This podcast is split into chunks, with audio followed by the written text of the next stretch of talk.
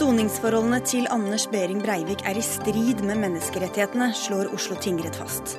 Overraskende, men modig, sier ekspert på menneskerettigheter. Et slag i magen, sier en sint og opprørt Eskil Pedersen. Tidligere Westerdals-elever krever penger tilbake, men blir ikke enige med skolen. Vi håper å unngå rettssak, sier elevenes advokat. Vitsene florerer om Sylvi Listhaugs bad i overlevelsesdrakt i Middelhavet. Andre politikere ville sluppet mye billigere unna, tror Frp. Og Human-Etisk Human-Etisk Ungdom mener Human-Etisk Forbund henger igjen i fortida og er for religionskritiske. Naivt og urimelig, svarer de selv.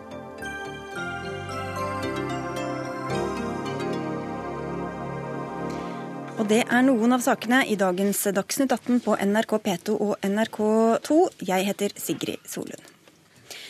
Anders Behring Breivik vant altså fram i tingretten i dag. Massedrapsmannen og terroristen fikk medhold i retten av retten i deler av det sivile søksmålet sitt mot staten, der han hevder at han soner under umenneskelige forhold.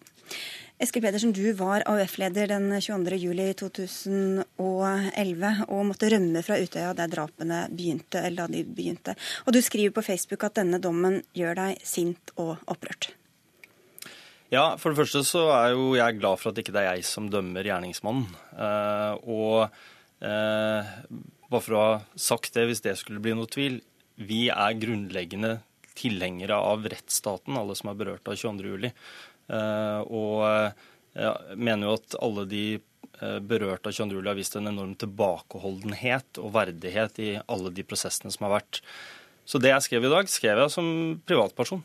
Mm. Jeg ble sint, jeg ble opprørt. Eh, og jeg tror mange føler det som et slag i magen at gjerningsmannen får en seier i full offentlighet. Det er så enkelt som det. Ja, for Du skriver at du, har måttet, at du har følt at du har måttet holde igjen eh, mye av hva du har ment om denne gjerningsmannen. Hva er det da du føler må ut nå? Som AUF-leder så snakker man på vegne av mange. Eh, og nå snakker jeg kun på vegne av meg selv. Eh, og det er klart at en person som har forvoldt så mye skade, at han får denne seieren i full offentlighet, det slår meg i magen, og det gjør det, tror jeg, med mange. Eh, og derfor så eh, hadde jeg et behov i dag bare for å si hva jeg følte. Og så får jeg tekstmeldinger og, og tilbakemeldinger fra mange andre av de overlevende og etterlatte som føler det på samme måte, og jeg skrev vel at det er lov å være sinna. Ja, hva, er, hva er det ved dommen som gjør deg så opprørt, da? Jeg har ikke lyst til å gå inn i detaljene rundt dommen. Jeg har lest, uh, jeg har lest uh, dommen og konklusjonen i dommen. Uh, og åpenbart skal gjerningsmannen få lov til å få prøvd sin sak. alle mennesker, også terrorister, skal ha sine grunnleggende menneskerettigheter. men jeg tror mange opplever det som absurd at en person som har tatt livet av så mange mennesker, og fortsatt forholder masse Eh, masse eh, sorg, eh, da skal kunne vinne gjennom i rettssaken med, med, sine påstander og denne saken. Så først og fremst så prøver jeg vel å sette ord på noen umiddelbare følelser. Thomas Horn, du er advokat og du er ekspert på menneskerettigheter og på isolasjon. Du har kalt denne dommen for modig. Var den riktig, syns du? Jeg tror vi skal være veldig forsiktige med å uttale oss her om det var riktig eller ikke. For det er etter mitt syn eh, sannsynlig at eh, regjeringsadvokaten, kommer til å anke denne saken. Men eh, jeg kan si så mye som at den rettslige innfallsvinkel er korrekt, og man har vurdert de riktige momentene. Og så er det store spørsmålet har man foretatt den riktige avveiningen av disse momentene? Har man lagt terskel riktig for å konstatere et menneskerettsbrudd? Og Der tror jeg partene nå i prosessen som høyst sannsynlig kommer videre, vil være knakende uenige. Hva er det retten har lagt, har lagt, vekt på, da? Det helt sentrale, slik jeg leser uh, saken, er at fengselsvesenets vurderinger har vært altfor overflatiske. Man har eh, mer eller mindre uten videre latt de sikkerhetsmessige aspektene uh, ta helt overhånd. Det er rettens ord. Um, uten at man har vurdert mothensynene, og uten at man i tilstrekkelig grad har vurdert alternativene. Det er det sentrale i det retten eh, påpeker. Altså Det har gått litt for mye automatikk i at det strengeste skal skje hele tiden? Ja. Og da er det sånn, eh, det tror jeg er uten tvil, det er slik at eh, handlingsrommet vårt er mindre eh, på det menneskerettslige feltet hvis eh, handlingene våre er uten grundige vurderinger. Gjennomfører vi grundige vurderinger, så kan vi gjennomføre mer. Hvorfor er den modig, da? Den er åpenbart modig, for denne saken er jo en forferdelig eh, sak eh, som reiser sterke følelser, og det har jeg all verdens forståelse for. Eh, og det å sitte og treffe en slik avgjørelse som man vet eh, vil bli vanskelig å forstå, og som vil reise, reise sterke følelser, det oppfatter jeg som modig. Det at det er modig, betyr ikke uten videre at det er riktig, men det kan ikke ha vært en lett avgjørelse å treffe. Og Det er mange som har snakket om at dette er selve syretesten på vår rettsstat. Eskil Pedersen, har det vært, eller blir det sånn at når vi vektlegger prinsippene og rettsstaten så mye at det blir vanskelig å si hva man føler oppi alt dette også? Det er, jo, det er jo berørt av 22. juli, som i hvert fall jeg har sett tidligere har sagt at de føler kanskje at all den verdigheten vi skulle vise, all eh, tilbakeholdenheten vi skulle vise, Eh, kanskje gjorde det vanskelig å få fram alle følelsene sine. Eh, og det syns jeg man skal ha respekt for. Og så vil jeg jo si, uten at jeg har lyst til å gå inn i en diskusjon om detaljene i dommen, at det er klart, hadde kommet, eh, retts, domstolen kommet til motsatt konklusjon, vi hadde jo fortsatt vært en rettsstat da. Altså det å si at, som jeg ser noen eh, kanskje har sagt, at dette er en slags seier for rettsstaten. Vel, jeg mener vi hadde vært en rettsstat eh, uansett. Og at man kanskje i dag skal tenke på at det sitter ganske mange der ute som ikke føler at dette er en seier. Åsen Seierstad, du er forfatter bl.a. av eh, en bok om 22. Eh, og du har fulgt også denne rettssaken. Ble du overraska over eh, hva de konkluderte med i domstolen? Jeg ble overrasket. Da jeg satt der den uken i mars, så var vel den gjengse oppfatningen at staten hadde en veldig god sak.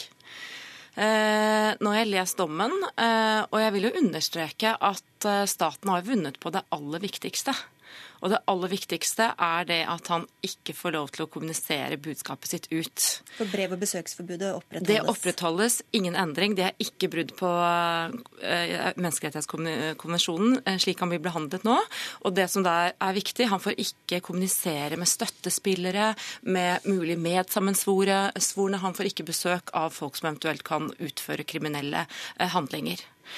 Eh, så utad blir det det samme. Men innad eh, så er det mulig at kanskje eh, er det ikke nødvendig med den glassveggen når han skal møte psykiateren sin eller presten. Eller en slektning. Kanskje er det ikke nødvendig med alle nakenransakelsene. kanskje er det mulig at han er litt mindre håndjern på ham. Altså, det var jo den type ting som man ønsket å lempe på. Og kanskje etter en stund er det mulig at han kan møte medinnsatte. Men Thomas Horn, ut fra det du sa, så betyr det at de nå må jenke på dette, eller betyr det bare at de må begrunne det bedre, men kan fortsette med den samme praksisen? Ja, Det dommen uten tvil betyr, er at man må sette seg ned og foreta en vurdering av eh, mothensyn og hva som kan være mulig. Eh, begrunner man dette bedre og tenker mer eh, gjennom, og på enkelte steder savner jo retten fullstendige vurderinger. Eh, så kan det godt tenkes at eh, disse tiltakene kan opprettholdes. Men eh, det er altså sånn som jeg sier at hvis man har overflatiske begrunnelser, så er handlingsrommet mindre enn hvis man vurderer dette grundig. Men Betyr dette også at retten mener at han ikke er så farlig sånn umiddelbart som det, man, som det kriminalomsorgen har lagt vekt på? Nei, det betyr det ikke, fordi retten understreker eh, hvor farlig han er. Han skal fremdeles sitte på høy, høysikkerhetssoning. Det er ikke noe snakk om at han kommer inn i vanlig soning. Eh, men det er, denne, altså det er noen at det virker som de har tatt, altså ifølge dommen, da, at de alltid har, eh, har tatt altså ekstremt høye sikkerhetsrisikovurderinger. Selvfølgelig med bakgrunn av det han har utført. Eh, hans eh, evne til langsiktig planlegging, hans evne til å manipulere, hans evne til til å, å, lure for å oppnå et mål. Det er klart han er ekstremt farlig, og det må de ta høyde for. Men eh, det kan hende at eh, likevel eh, man kan lempe på noen av disse sant, glassveggene. Litt mer besøk, litt mer telefontid. Altså, eh, jeg, sånn som jeg tenker det, er at eh, hvordan han har det der inne. Jeg tenker han skal ha det akkurat som alle andre. Eh, verken bedre eller, eller verre. Men selvfølgelig, han må holdes borte fra samfunnet. Både livet ut, men også i kommunikasjonen utad. Hvordan man har det innad, det tror jeg nok må lempes på etter hvert. Det har jo vært en del interesse fra utlandet i forbindelse med den saken. Du har vært mye ute og reist i forbindelse med din bok. Hvordan tror du dette oppfattes eh, i andre land? Nei, Jeg husker jo rettssaken som var nå i forrige måned. så var det, altså Mange syns det er absurd. Mange syns det er spesielt at Norge av alle land eh, blir saksøkt eh, av mannen som jo eh, gikk til angrep mot, mot Norge eh, og mot regjeringen. Eh, men det er klart at eh, utenlandske journalister tok også en del billige poenger med at han hadde PlayStation, at han hadde fått lov å studere, at han hadde en del sånne ting som faktisk norske innsatte har rett på. Vi har et fengselsvesen som ikke kan sammenlignes med, med veldig mange andre. Eh, men det var jo ikke det han gikk til sak mot, det var jo det med isolasjon. Mm. Og isolasjon er da, ifølge denne dommen, et brudd på eh, paragraf 3. Og du håper at det ikke blir anka, denne fra du, jeg, jeg, er enig med Thomas Horne. og Nå må partene se på dette og, og, finne ut hva som vil eh, skape ro rundt saken. Kanskje holder det å lempe på noen av soningsforholdene, og at det ikke blir en anke. Hva håper du, Eskil Pedersen? Jeg har ikke lyst til å mene noe om det. Det får være opp til andre. Vi får si tusen takk til dere alle tre for at dere kom til Dagsnytt 18 i dag. I hvert fall eh, Eskil Pedersen, eh, Thomas Horn og Åsne Seierstad. Dagsnytt 18 alle hverdager kl 18.00 på NRK P2 og NRK2.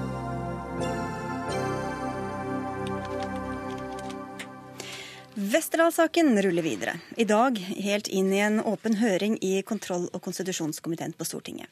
I fjor høst avslørte Dagens Næringsliv at Anton B. Nilsen-konsernet, som eier Westerdals, hadde tatt ut over 100 millioner kroner fra skolene i forbindelse med en fusjon mellom tre private høyskoler, hvorav Westerdals var én. Dette til tross for forbudet mot utbytte. Under høringa i dag sa Westerdalseier Nicolai Løvenskiold at Kunnskapsdepartementet visste alt om den omstridte skoletransaksjonen før den fant sted, uten å komme med innvendinger. Trond Andresen, du er kommunikasjonsdirektør i Anton B. Nilsen-konsernet. Dere sier altså at dere aldri hørte noen innvendinger fra Kunnskapsdepartementet. Hva slags opplevd godkjennelse fikk dere fra departementet? Det som er viktig å forstå, er at vi søkte en dialog med Kunnskapsdepartementet Nettopp fordi vi ville ha avklaringer av spørsmål som kunne være eh, tvetydige i forhold til hva som kan gjøres og ikke gjøres i forhold til lovverket. Dere mistenkte at det kunne være Nei, vi mistenkte det ikke. Men det er altså mulig å lese lover og regler på litt forskjellig måte. Og vi ville være sikre på at vi leste dette på den riktige måten før vi traff en beslutning og gjennomførte denne transaksjonen. Mm. Derfor søkte vi kontakt med departementet, en dialog med departementet. Og vi hadde jo en rekke møter hvor vi fremla alle detaljer i eh, den planen vi hadde. Og vi opplevde ikke at vi fikk noen innvendinger eller motforestillinger mot eh, den planen. Men Fikk dere det motsatte, da? En eh, godkjennelse altså Man trenger jo ikke en godkjennelse for selve fusjonen, men for planene dere hadde? Ja, vi fikk jo eh, i de møtene vi hadde, så fikk vi eh, spørsmål og svarte på de spørsmålene. Og søkte hele tiden å få frem motforestillinger og synspunkter, og vi ba om det, og vi fikk ingen. Men hva sa departementet til dere, da? Nei, vi, I de møtene så hadde vi jo en dialog og vi fremla alle sider av eh, saken for dem. Og de stilte spørsmål, og vi svarte. Og de ba jo også om mer informasjon, spesielt om forholdet til paragraf 712 eh, i høyskoleloven, som er sentral her.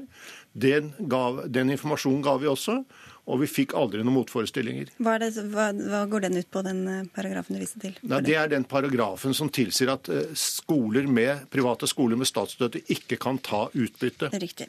Kunnskapsminister Torbjørn Isaksen kunne ikke delta i Dagsnytt 18 her i dag, men han sa i dag i høringa at departementet ikke ga noen godkjenning på forhånd. Hvordan kan dere ha så ulik oppfatning av dette? Nei, Det var det samme som jeg tror kontrollkomiteen lurte på. Vi ga vår eh, versjon, og vi har sagt hele veien at vi opplevde at vi ikke mottok noen innsigelser når vi spurte om synspunkter. Og vi opplevde derfor eh, at dette var en plan som vi kunne gjennomføre innenfor loven. Det var også slik at vi jo helt på slutten av prosessen, rapporterte at den var gjennomført, og fikk da, eh, som vi har påpekt, en gratulasjon eh, til en vellykket prosess. Du sier at dette var, er et regelverk som kan tolkes på forskjellige måter. Hvor viktig var det denne opplevde godkjenningen fra Kunnskapsdepartementet for at dere gjorde det dere gjorde? Ja, Det var helt sentralt. Vi har sagt at Hvis vi ikke hadde følt at vi hadde en godkjennelse, så hadde vi ikke gjennomført. Mm. Dere avviser jo at denne overføringa på 105 millioner kroner eh, i forbindelse med fusjonen var et forsøk på å ta ulovlig utbytte. Hva var det da et forsøk på, hvis dere var såpass usikre at dere var helt avhengig av hva departementet sa? Vi slo sammen tre skoler med tre ulike varemerker. Det var skoler som vi hadde utviklet over 15 år. Og vi var ikke sikre på at eh, den eh, sammenslåingen ville bli vellykket. Derfor vil vi sikre noe av den verdiøkningen som vi hadde hatt i de skolene i løpet av disse 10-15 årene. Det var årsaken. Men førte det til at eierne ble sittende igjen med et utbytte som bl.a. kom fra statsstøtte? Eierne har aldri tatt utbytte fra statsstøttede skoler.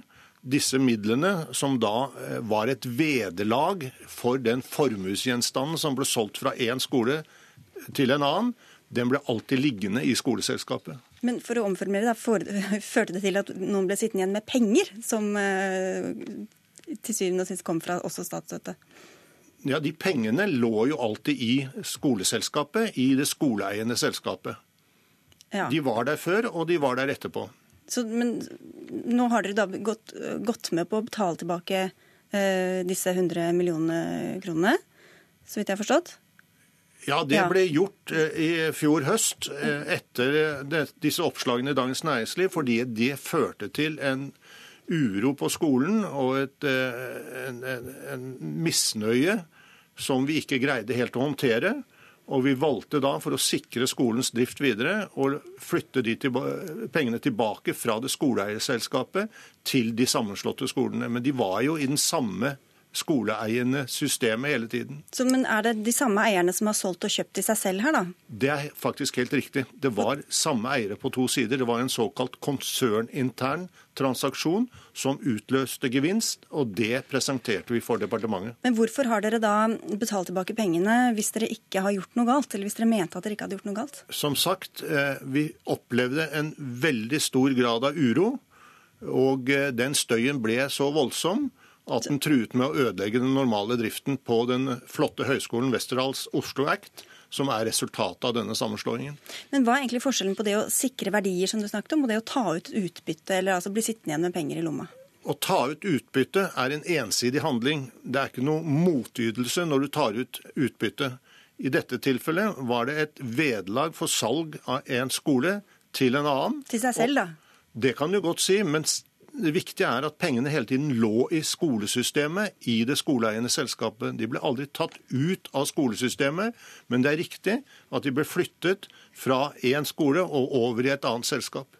Og nå eh, sier også Lånekassen at dere har fått eh, for mye penger fra dem, eller elevene har fått, eh, fått penger de ikke har krav på, og at Westerdals bevisst har ført Lånekassa bak, bak lyset og må betale tilbake penger til dem også. Er det også noe dere vil gjøre for å dempe uroen? Nei, så Her er det flere forskjellige saker. Det ene er denne saken vi har snakket om nå. Det andre er en sak hvor det da er hevdet at vi tilbød studier på Vester, gamle Westerdals som ikke hadde faglig godkjenning. Vi tilbød de studiene innenfor foreliggende godkjenninger. Det var opplevelsen den gangen, og det var derfor det ble gjort. Så vi er ikke ferdig med den saken og på noen måte akseptere at vi bare skal tilbakebetale, men det må vi se på fremover. Ok, Du ønsker ikke å diskutere denne saken videre med andre, men vi får si tusen takk for at du kom, Trond Andresen. Vi har to andre som mer enn gjerne diskuterer den.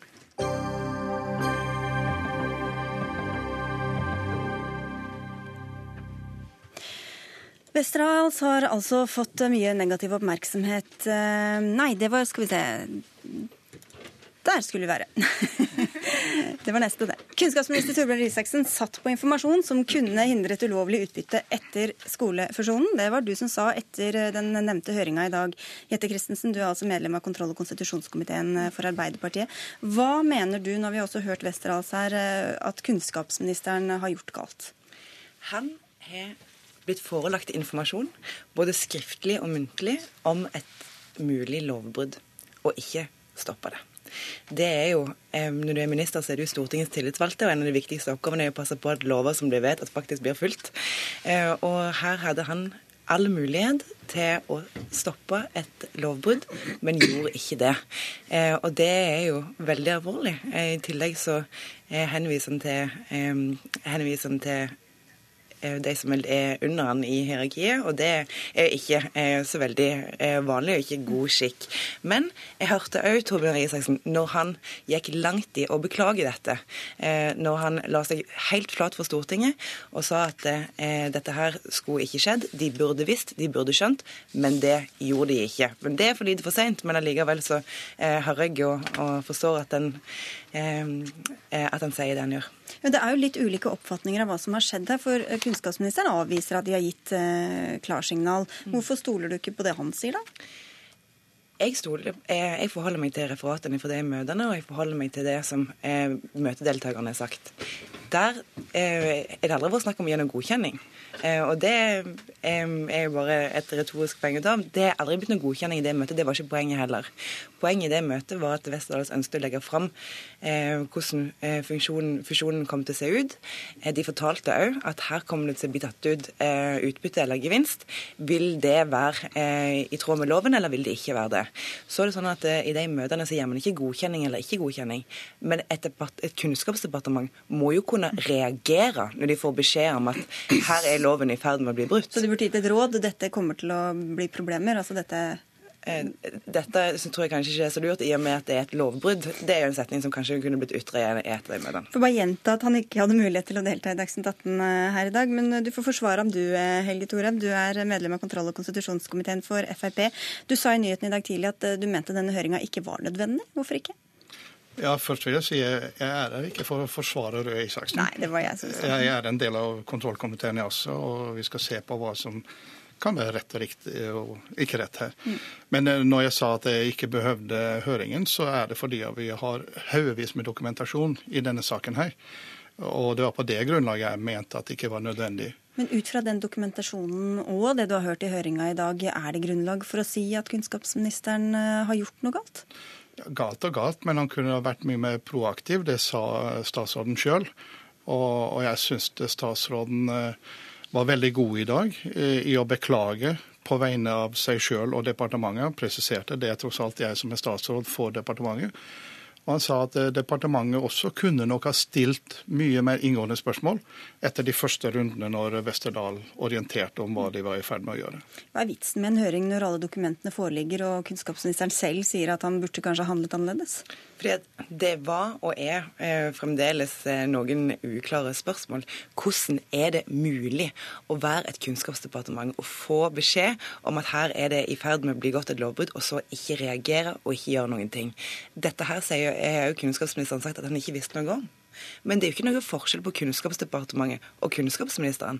Han styrer jo. Det er jo han som tar avgjørelsene her. Og fremdeles er det heller ikke klarhet i om hvorvidt han faktisk ba, uh, ba, skolene om å sende noe skriftlig. Det er jo vår diskusjon mellom Westerdals og han. Eh, Westerdals har sagt at han har opplyst Stortinget feil.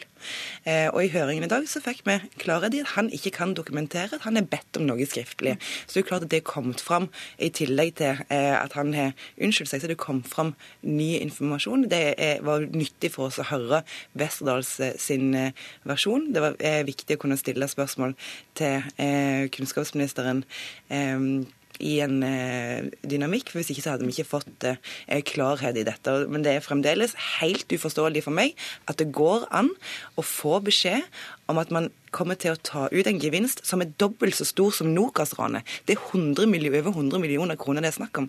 Det er ingen peanøtt. At man kan få den beskjeden uh, at det kommer til å skje.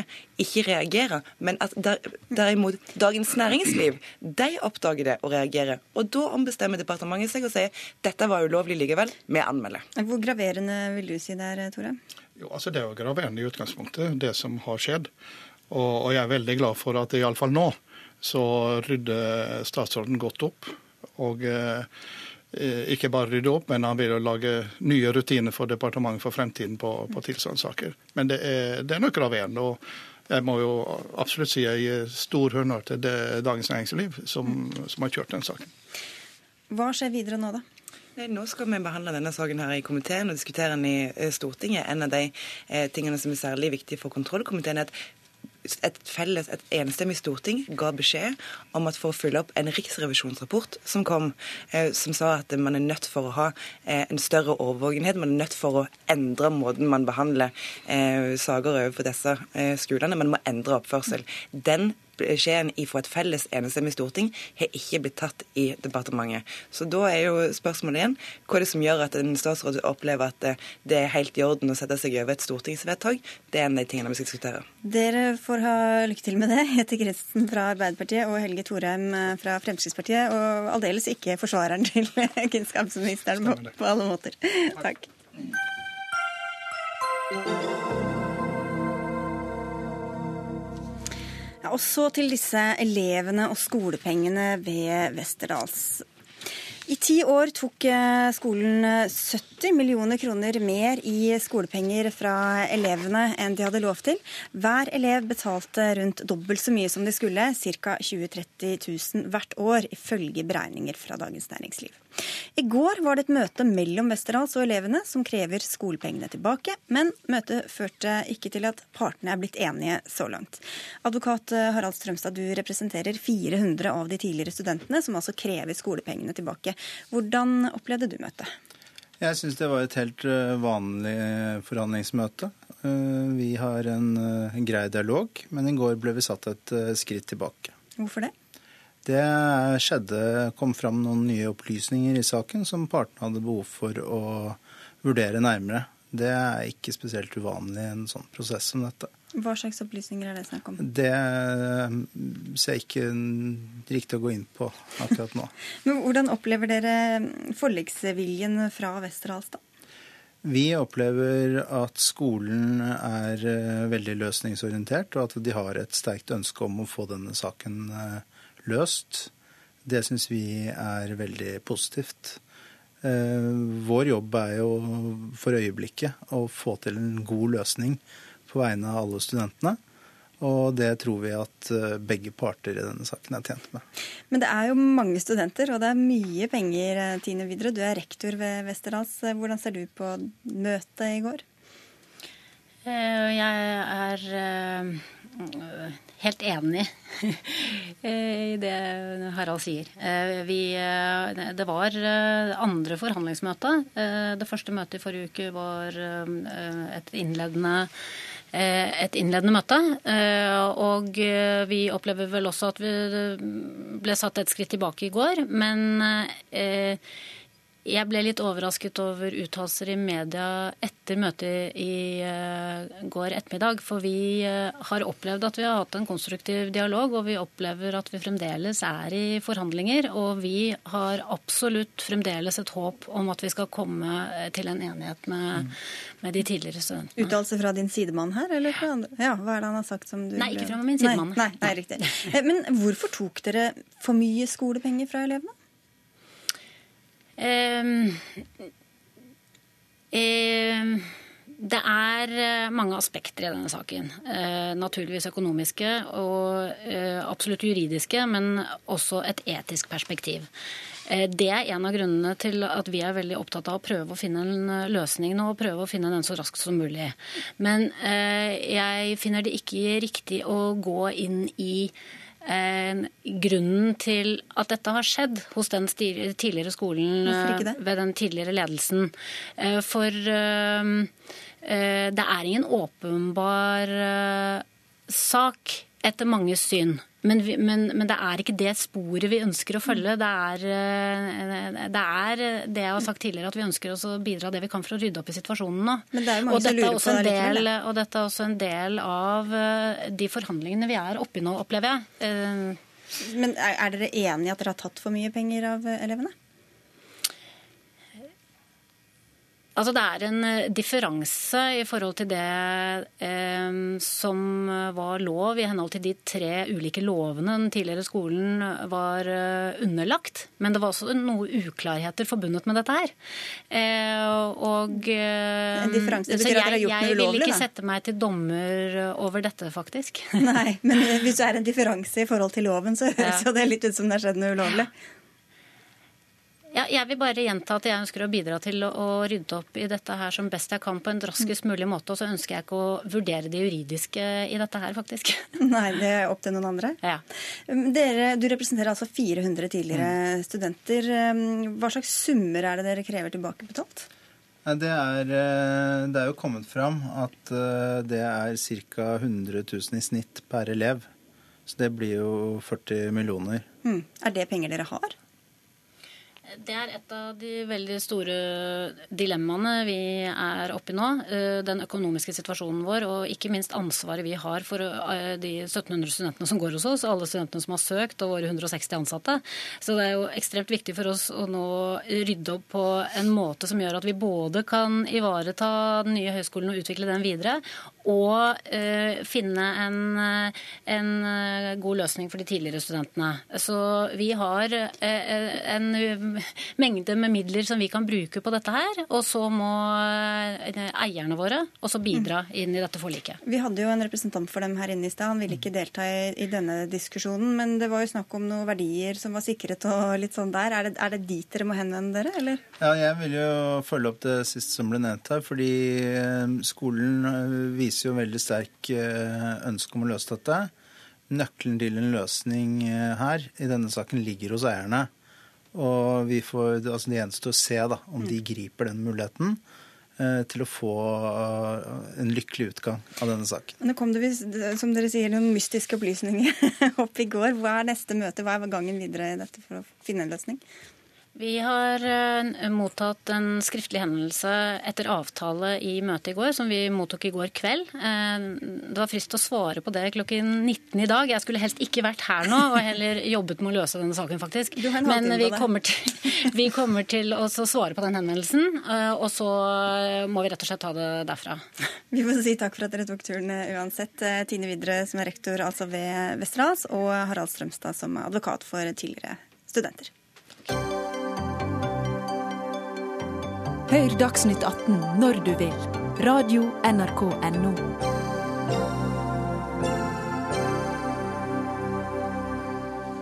Nå til en annen av dagens eh, store snakkiser, må vi vel kunne kalle det. Folk på sosiale medier har gasset seg i eh, Listhaugs bad i overlevelsesdrakt i Middelhavet i går.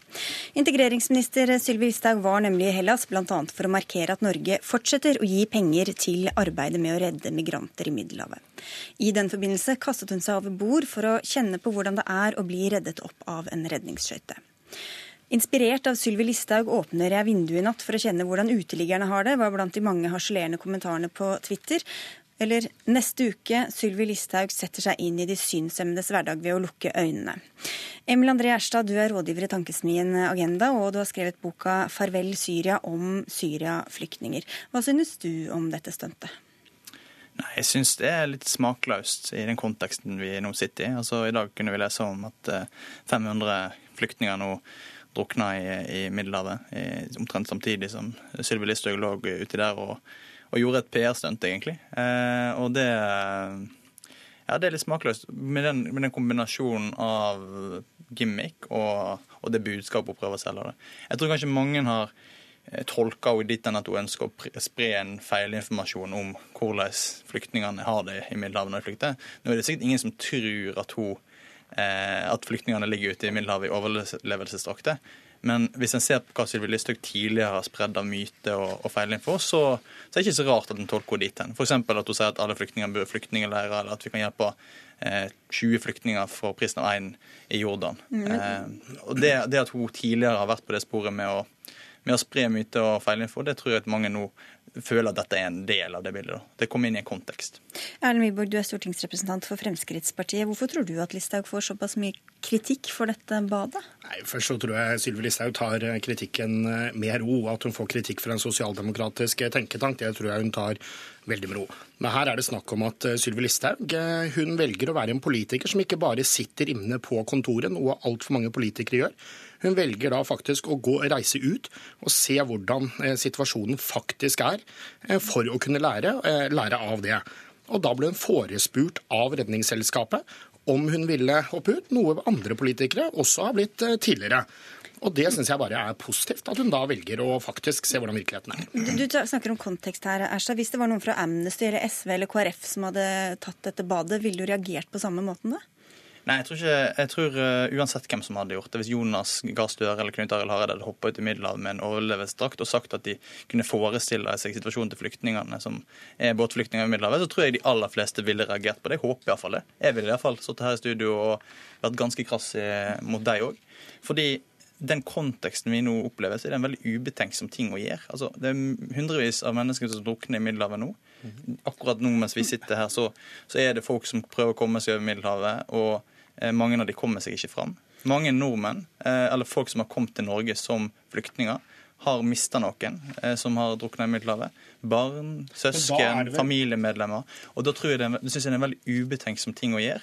Å ligge der ute og, og i en overlevelsesdrakt og si at du kan forestille deg hvordan de flyktningene for, har det. For det første, uh, Sylvi Listhaug var jo helt klar på at det er helt umulig å sette seg inn i situasjonen til flyktninger. Og akkurat fordi Når man ser det problemet man har, de forferdelige menneske, menneskelige tragediene, der kyniske menneskesmuglere nå eh, risikerer mange menneskeliv, lurer mennesker ut, det er det viktig å få satt en stopper for. Og Da er det jo viktig at vi har faktisk en innvandrings- og integreringsminister i Norge som velger å reise ut, se, lære, og ikke minst komme hjem og komme med flere konkrete grep på hvordan vi faktisk kan begrense eh, menneskesmuglingen, i stedet for bare å Her velger man som vanlig og skal her kritisere Sylvi Listhaug i stedet for å diskutere selve saken. Jeg skal bare spørre deg, Vibor, for du, Hun sier som du sier at du kan ikke sette deg inn i situasjonen som flyktningene er i, men man kan se det fra det perspektivet, hvordan det er å ligge i vannet på den måten. Mm, men hvor mye klokere tror du hun blir på disse flyktning- og migrantenes situasjon ved å duppe i vannet i en sånn drakt ved siden av en redningsskøyte? Det er ganske fjernt fra den virkeligheten de opplever? Ja, det har jo Sylvi Listhaug vært helt klar på. Men hun ble forespurt av Redningsselskapet om hun ønsket her å, eh, å få eh, vist hvordan de faktisk arbeider, og det var hun sport og takket ja til. Og det er jo altså- noe, La meg fullføre nå, ikke avbryt. Og det er jo på lik linje med f.eks. statsminister Erna Solberg har gjort det, kronprins Haakon eh, har gjort det. Det er mange politikere som har gjort tilsvarende, og jeg syns det er bra. Men det jeg syns er synd, er nok en gang så er det Sylvi Listhaug man velger her å, å kritisere okay, henne som person i stedet for Men, å diskutere selve saken. Vi må bare slippe til en kort her. Frode Pedersen, du er kommunikasjon kommunikasjonssjef i Redningsselskapet. Og det var altså dere som hadde Listhaug om bord i går, og deres oppfordring som gjorde at hun altså hoppet uti. Hva var hensikten med det? Nei, altså Det har jo blitt sagt i, i debatten her at uh, det er veldig vanlig for oss å tilby politikere og andre gjester om bord i våre skøyter og prøve det å, å, få ligge i havet i en overlevelsesdrakt. Det er ganske annerledes enn å ha bena trygt planta på et akterdekk eller på landjorda. Og man føler seg ganske fort eh, ensom når man ligger, selv om man har en overlevelsesdrakt eh, på seg. Men det er også ganske gjort... annerledes enn å ligge der uten eh, drakt og uten noen båt ved siden av. Hvor mye tenkte dere på ja. den konteksten dere satte det inn i?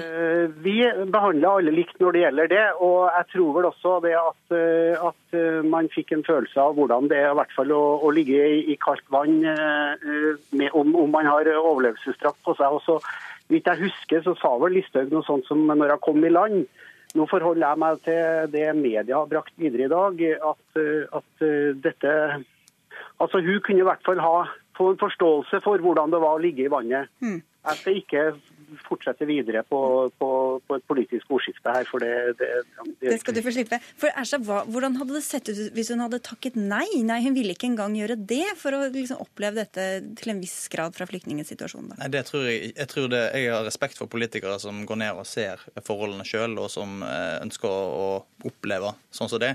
Men jeg tror den parallellen hun tok når hun sa at kan, nå kan jeg forestille meg hvordan flyktningene har det. Ja, men Hun sa jo samtidig at hun, det var ikke liksom, ja, men, noe Men det blir et så sterkt budskap i den situasjonen, i den konteksten vi nå er i. Og så er ikke Sylvi Listhaug en politiker som ikke har sagt ting før. Hun har sagt ting om gulstoler Men hun burde ha hoppet uti, men ikke sagt noe om det etterpå, da? eller? Nei, hun burde ikke sagt at hun kunne forestille seg hvordan det er å være en flyktning, for det kan du ikke når du ligger i midler. Og det tror de aller, aller fleste forstår. Og jeg tror de aller fleste forstår at det var en ganske ubetenksom ting å gjøre. Og så synes jeg, Det, det eh, Wiborg her sier, er jo egentlig at det, Frp er det synd på denne eh, situasjonen. Eller iallfall Sylvi Listhaug. Og jeg synes at det, Er det noen situasjon du ikke skal ta offerrollen, så tror jeg kanskje det er i den situasjonen vi nå ser i Middelhavet. Jeg poengterte akkurat at Sylvi Listhaug tror jeg tar denne kritikken eh, med ro, eh, for å si det sånn. Hun velger å være en politiker som nå reiser ut for å se, for å lære. Det burde langt flere politikere eh, gjøre som henne. Men jeg lurer på hvor, hvor var kritikken når andre politikere har valgt å følge, å følge oppfordringen fra Redningsselskapet om å få teste hvordan ja, de jobber. Men de gjorde det kanskje ikke der nede og i den konteksten, for det er jo litt Nei, det Erstad er inne på. Og, og Listhaug vet at hun er en kontroversiell politiker. Hun har sagt ting som mange har latt seg provosere av. Dagen før døde altså 500 flyktninger eh, ikke langt unna om man er riktig eller ikke, men burde det vært smart kanskje å ta hensyn til det også for henne ja, jeg synes tvert imot det er veldig bra at hun da reiser ned for å lære, og så fremmer konkrete forslag på hvordan kan vi stoppe disse menneskelige tragediene vi ser i Middelhavet. Eh, vi har sett over lang tid. Men, jo, men ta hensyn til den konteksten som vi tegnet opp her ja, nå. Da syns jeg det er viktig at vi har en mm. statsråd som eh, ser og lærer og besøker de norske heltene som har reddet mange tusen menneskeliv der nede. Det syns jeg er bra. i stedet, Og da blir det urimelig at hun da skal få en kritikk som ingen andre politikere i Norge hadde fått. Det tror jeg er relativt Nei, det er ikke, åpenbart. Det er ikke urimelig å, å, kritisere et parti som kaller disse folkene for lykkejegere. Det men gjør ikke det i den situasjonen, da? Nei, men det er jo det samme folkene som sitter og gjør det. Og det er jo det som blir opplevelsen til mottakeren. Så vi skal ha andre standarder for Sylvi Listhaug og Fremskrittspartiet enn for alle andre politikere, Nei, kun pga. at hun er en uredd politiker som snakker rett fra levra, snakker et språk som folk forstår, Nei, hadde... og ikke minst som tør stå oppreist og gjennomføre innstramninger i norsk innvandrings- og integreringspolitikk. Det er helt feil. Hadde Jonas Gahr Støre eller Knut Arild Hareide gjort det samme, så ville det blitt ramaskrik. Det, det var du som dro fram hennes tidligere uttalelser, da? Ja, ja. Og det, det, er relevant for hvordan vi oppfatter det hvis hun sier nå. Hun blir oppfattet enda sterkere. Vi oppfatter at det hun sier kanskje eh, at hun prøver å spre et falskt bilde av hvordan flyktningene har det nå. sier at flyktningene eh, at hun kan forestille seg hvordan flyktningene nå har det i Middelhavet, nå ligger der i en overlevelsesdrakt. Det kan vi ikke. Det er ikke sånn eh, vi driver politikk. Eh, og jeg tror at eh, Hadde Jonas Gahr Støre eller Knut Arild hadde gjort det samme, så hadde vi reagert enda sterkere. Men de har ikke gjort det. Og det er kanskje litt av poenget. Mm. Det er Sylvi Listhaug som gjør dette. Og det er mange som har latt seg provosere, og det er også mange vitser som eh, florerer. Blant annet i dag skal jeg sitte på en stol i fem minutter for virkelig å kjenne hvordan de lamme har det. Er det morsomt?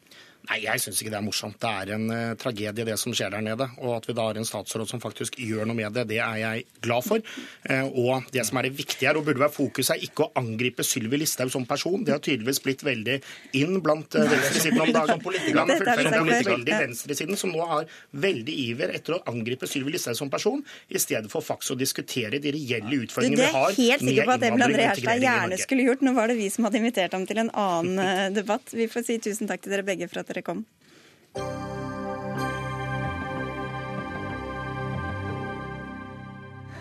I dag var det offisiell åpning av et nytt norsk senter som skal forske på høyreekstremisme, hatkriminalitet og politisk vold.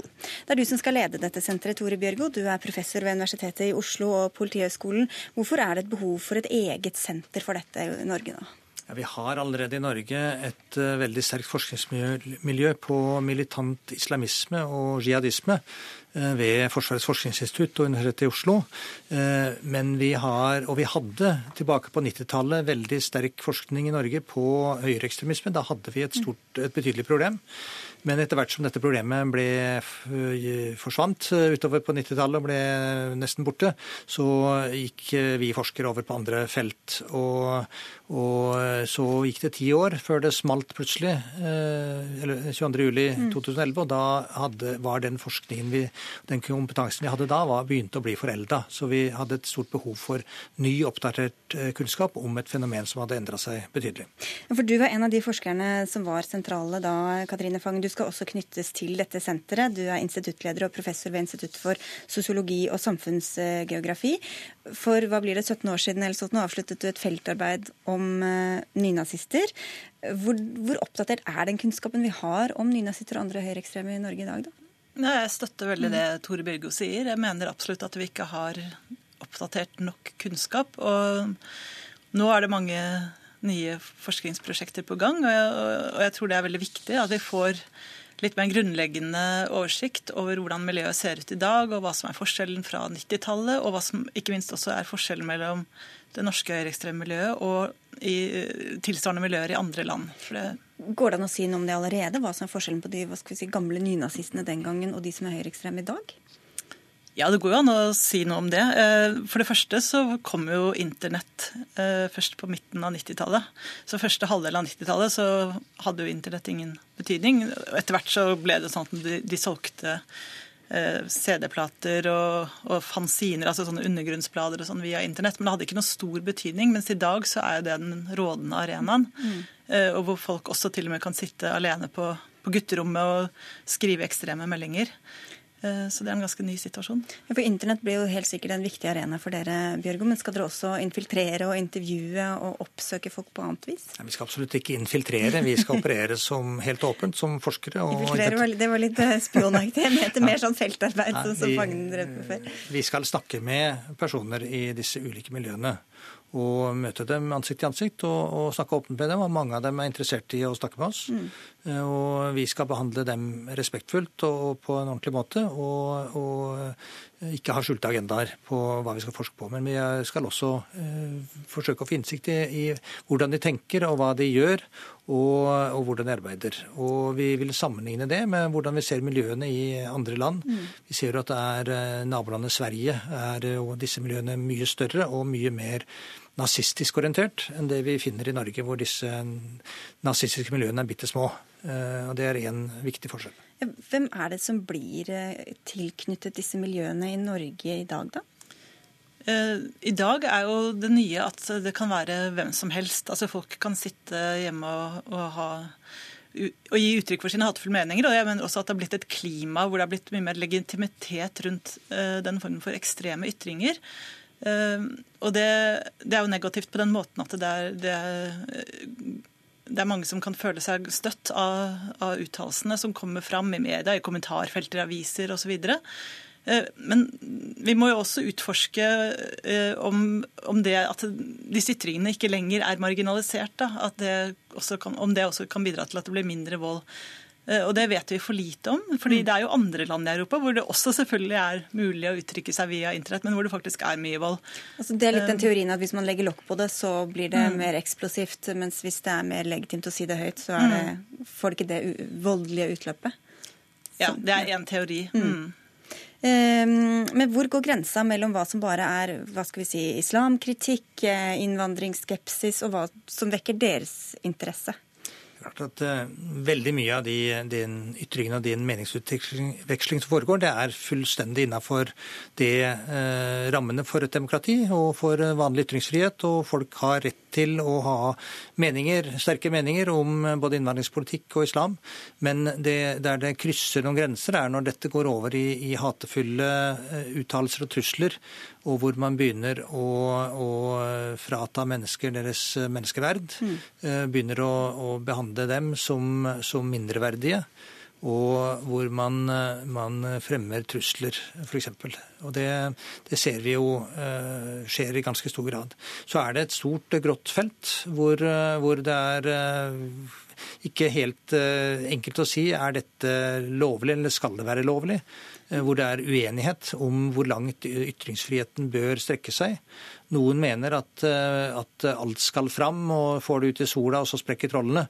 Eh, det, jeg ser ikke så mange sprukne troll. Det er, det er, Noe av dette virker svært skremmende på de som utsettes for disse, denne form for trakassering og, og til dels trusler. Og, og, det går utover andre menneskers ytringsfrihet også, når de får en flom av hat retta mot seg. Og det er en del av oss som trekker seg ut av det offentlige ordskiftet av den grunn. Men hvordan skal dere jobbe opp mot um, norske, altså PST, andre myndigheter, dersom dere oppdager noe som kan være en potensiell trussel? Altså vi, vi, driver jo forskning, vi skal ikke drive etterforskning eller, eller, etterretning. Men det er jo sånn som alle samfunnsborgere at hvis vi får kjennskap til at noen er tenkt å begå en kriminell handling, så har vi som andre samfunnsborgere også plikt til å varsle om det for å hindre det. Men uh, om noen forteller oss om ting de har vært med på uh, tidligere, så, så, er det for oss forskningsdata og ikke noe vi skal uh, overbringe til politiet. Vi har taushetsplikt på, på den typen sensitiv informasjon.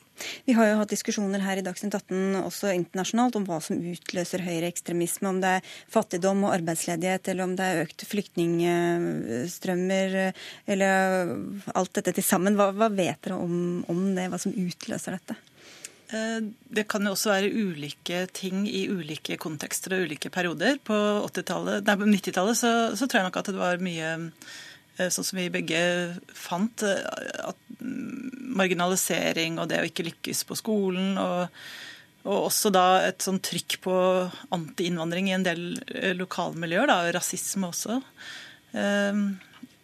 Og, og, noen pendlet også inn og ut av ulike subkulturer og fant seg kanskje ikke til rette på venstresiden, selv om noen også hadde vært innom i, i miljøer på den siden.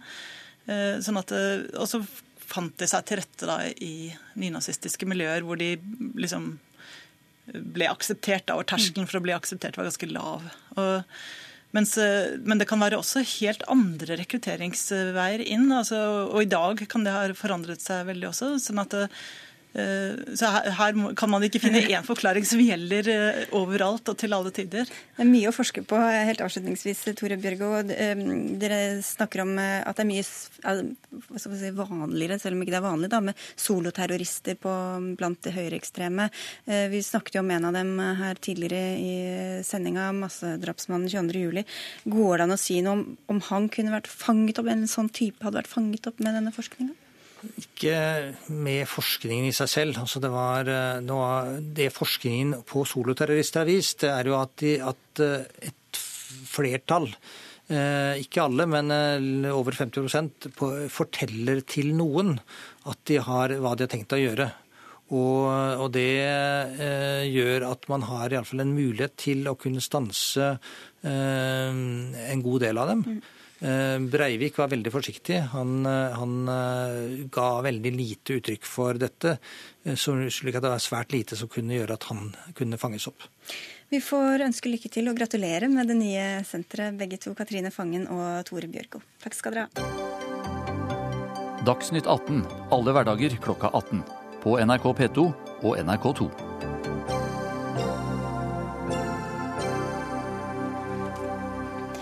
Human-Etisk Forbund framstår som altfor kritiske, og de henger igjen i fortida.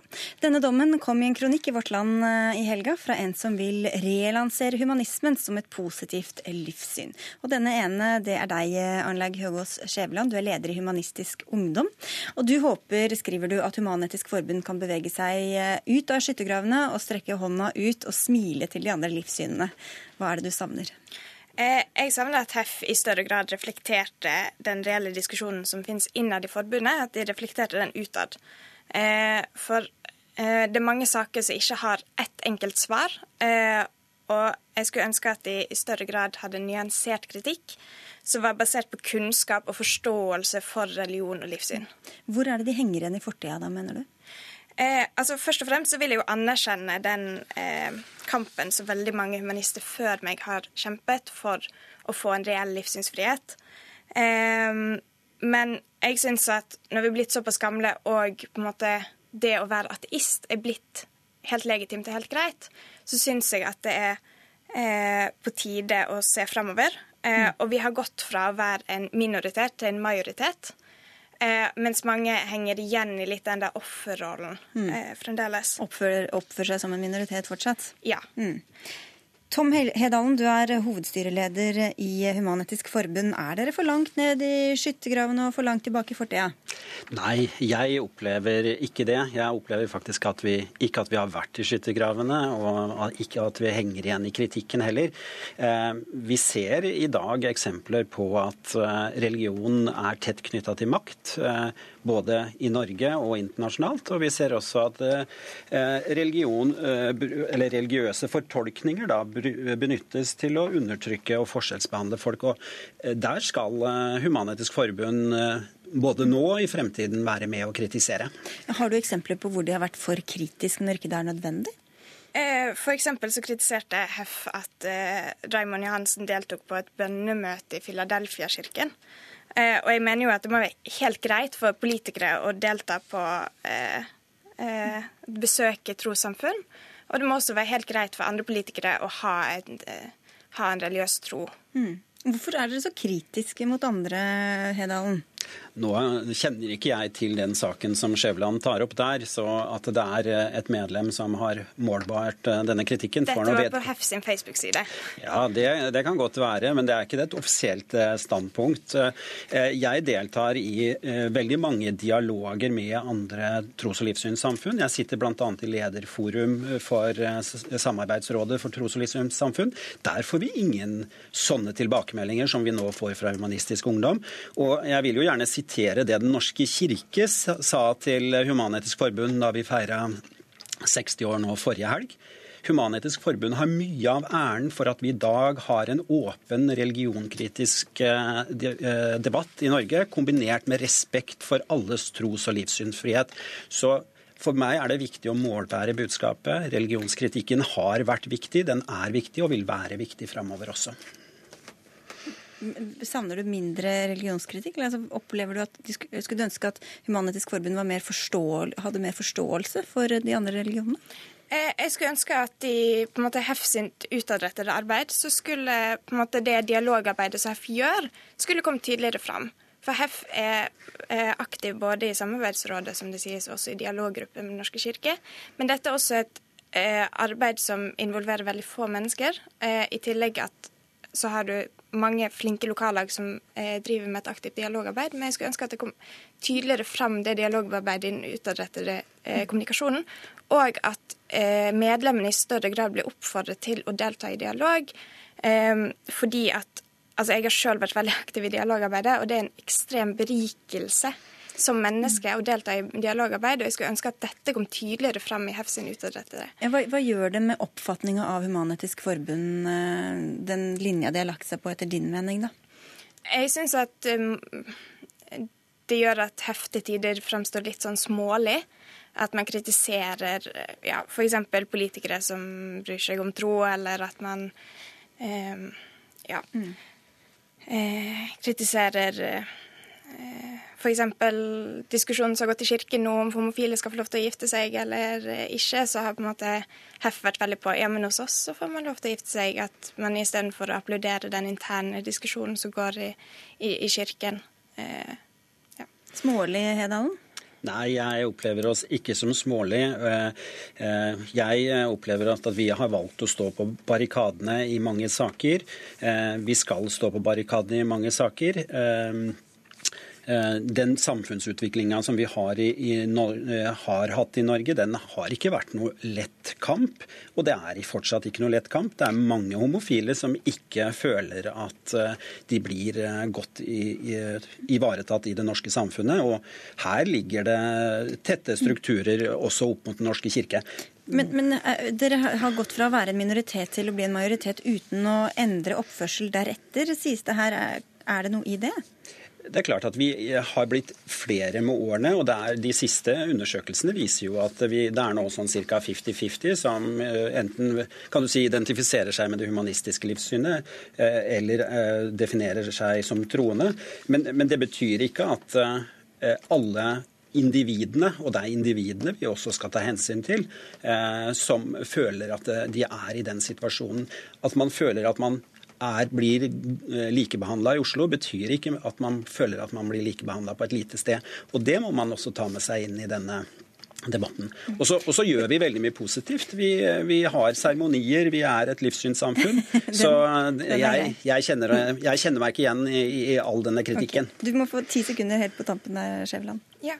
Eh, jeg syns det er veldig viktig at vi som eh, ateister, som nå begynner å bli en majoritet, eh, sørger for at Eh, det skal være åpent for å være religiøs i det norske samfunnet også i fremtiden. Mm. Og at vi må sørge for å behandle religiøse mennesker med den samme åpenheten og respekten som vi har eh, ønsket oss i alle disse årene, og nå har fått. Det får bli sluttappellen herfra. Vi må ta med noen ord om i går før vi avslutter for i dag. For i gårsdagens sending det, kom det anklager mot avisa Valdres.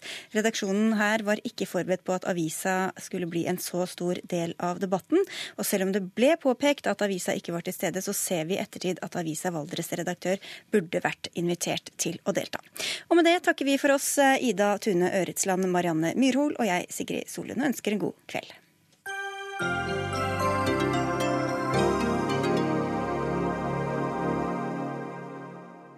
Hør flere podkaster på nrk.no podkast.